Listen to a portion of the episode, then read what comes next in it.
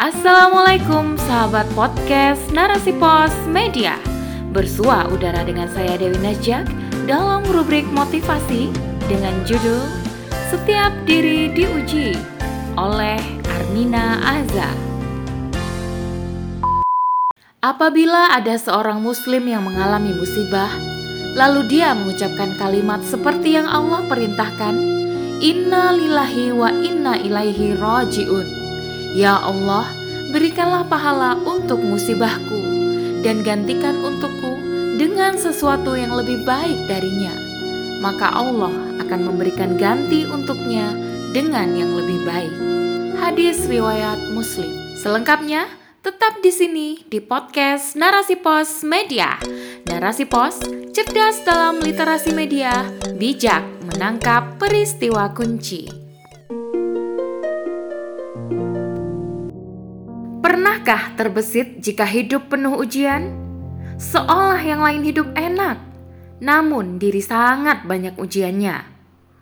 Wahai diri, jangan salah sangka terlebih dahulu. Setiap hamba akan diuji oleh Allah. Ujian-ujian yang Allah berikan untuk melihat mana hamba yang benar-benar mencintai Allah.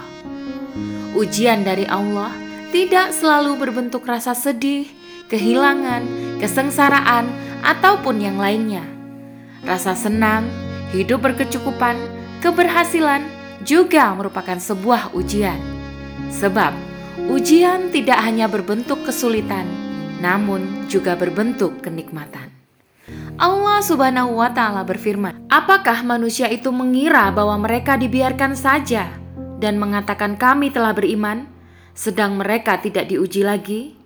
Sesungguhnya kami telah menguji orang-orang sebelum mereka, maka sesungguhnya Allah mengetahui orang-orang yang benar dan sesungguhnya Dia mengetahui orang-orang yang dusta. Quran Surah Al-Ankabut 2 hingga 3 Adapun bentuk ujian ada dua.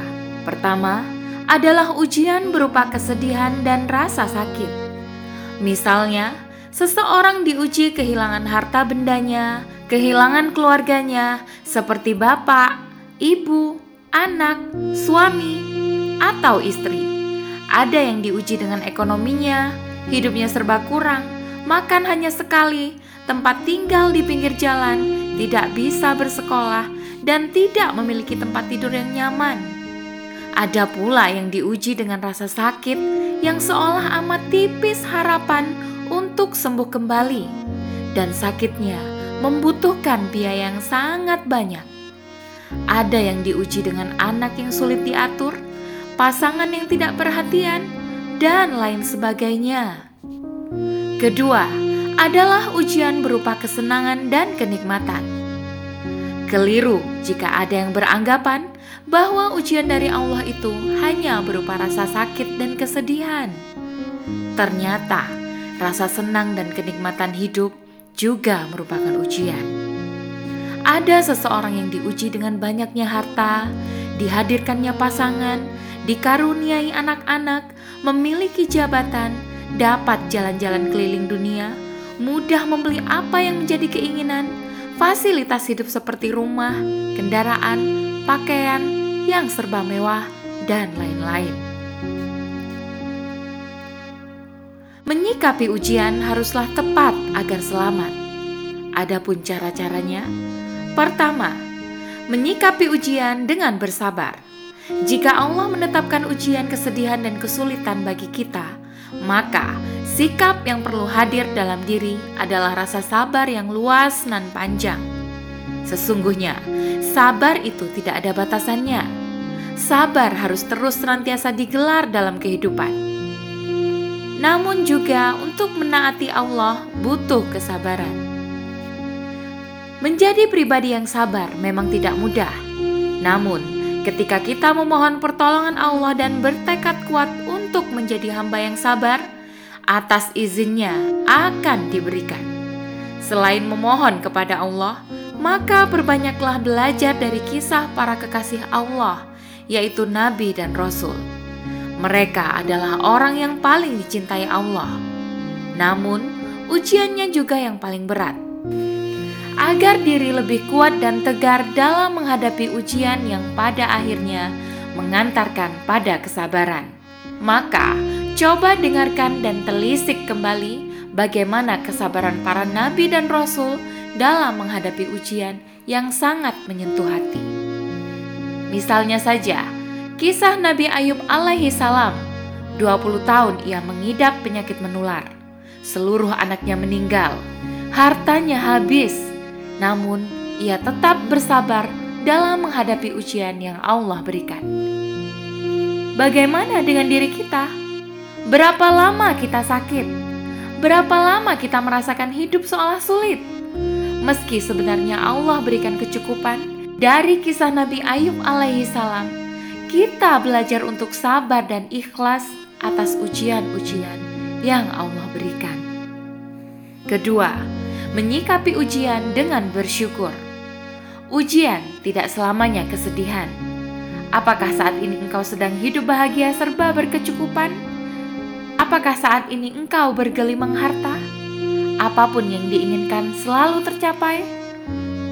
Jangan salah, itu juga ujian dari Allah. Maka, menyikapinya adalah dengan bersyukur.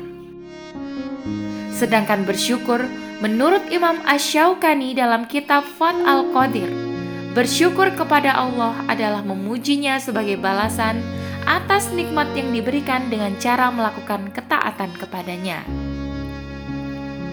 Berhati-hatilah, jangan sampai kenikmatan yang Allah beri bukan menjadikan diri makin bertakwa, namun justru menjauhkan diri dari Allah. Maka, ini adalah ujian Betapa banyak orang yang ketika diuji kesedihan mereka ingat Allah, namun saat diberi kenikmatan justru melupakan Allah. Ketiga, menyikapi ujian dengan membaca istirja.